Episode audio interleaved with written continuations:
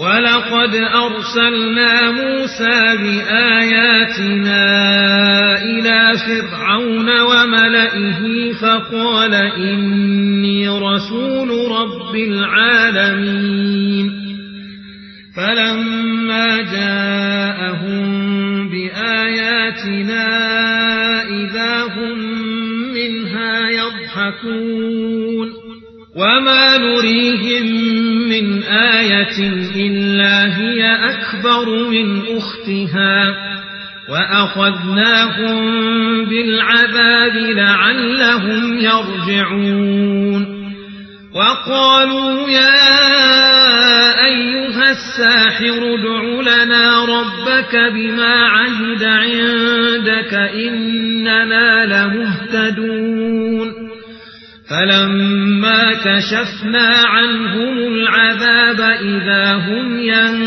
ينكثون ونادى فرعون في قومه قال يا قوم أليس لي ملك مصر وهذه الأنهار تجري من تحتي أفلا تبصرون أم أنا خير من هذا الذي هو مهين ولا يكاد يبين.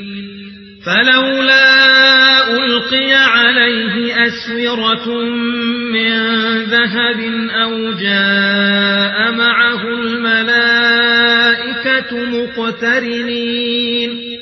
فاستخف قومه فأطاعوه.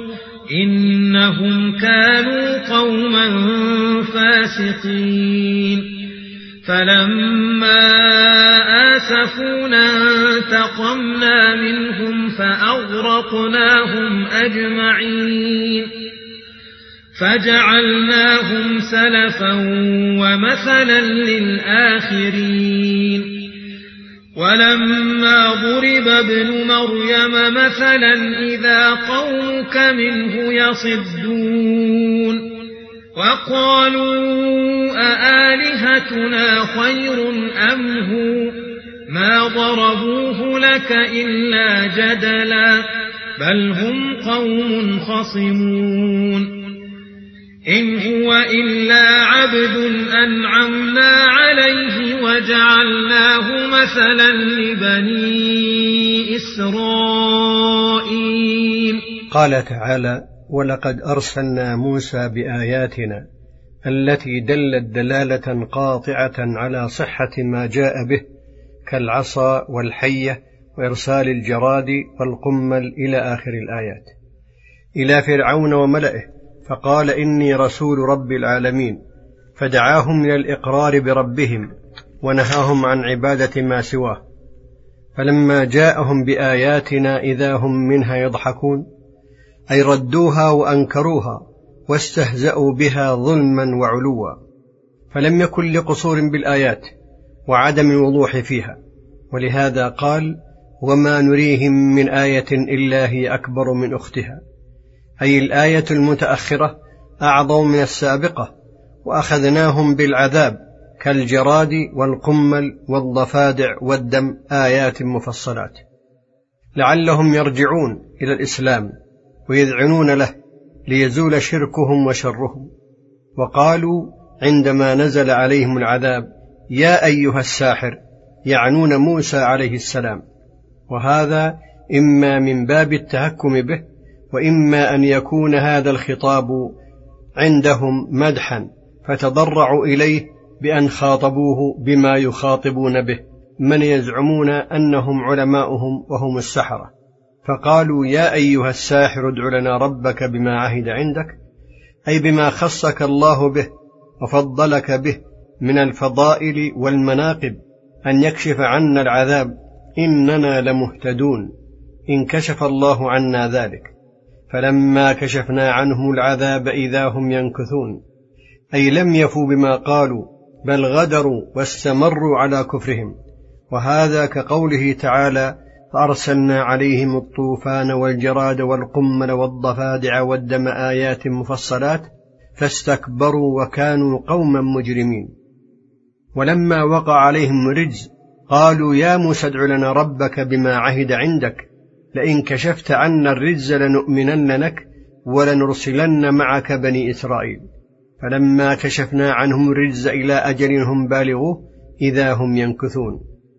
ونادى فرعون في قومه قال مستعليا بباطله قد غره ملكه وأطغاه ماله وجنوده. يا قوم أليس لي ملك مصر؟ أي ألست المالك لذلك المتصرف فيه؟ وهذه الأنهار تجري من تحتي. أي الأنهار منسحبة من النيل في وسط القصور والبساتين. أفلا تبصرون هذا الملك الطويل العريض؟ وهذا من جهله البليغ حيث افتخر بأمر خارج عن ذاته ولم يفخر بأوصاف حميدة ولا أفعال سديدة. أم أنا خير من هذا الذي هو مهين؟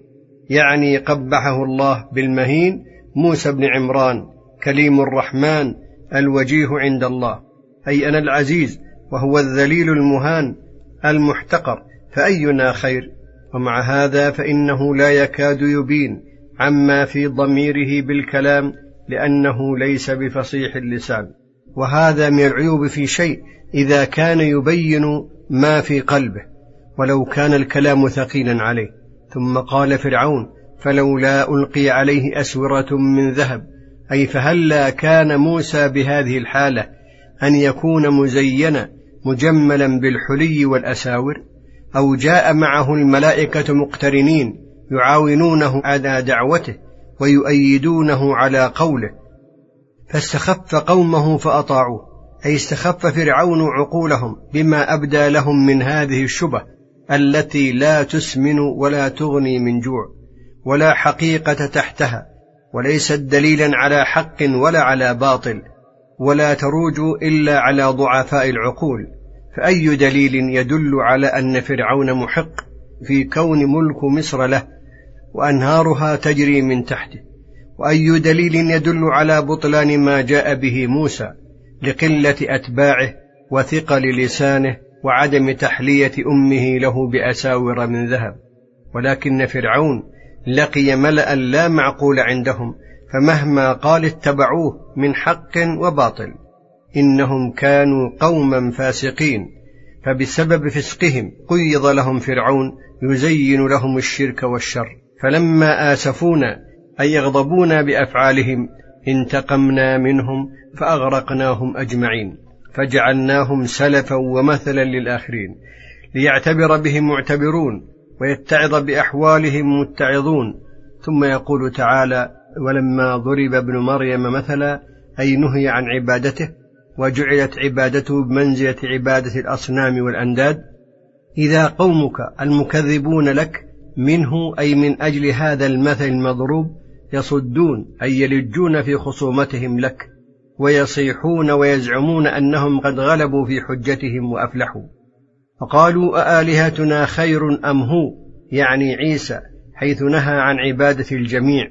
وشورك بينهم بالوعيد على من عبدهم.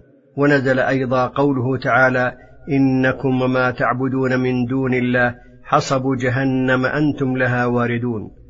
ووجه حجتهم الظالمة أنهم قالوا قد تقر عندنا وعندك يا محمد أن عيسى من عباد الله المقربين الذين لهم العاقبة الحسنة. فلم سويت بينه وبين معبوداتنا في النهي عن عبادة الجميع فلولا أن حجتك باطلة لم تتناقض. ولم قلت إنكم وما تعبدون من دون الله حصب جهنم أنتم لها واردون. وهذا اللفظ بزعمهم يعم الأصنام وعيسى. فهل هذا إلا تناقض؟ وتناقض الحجة دليل على بطلانها.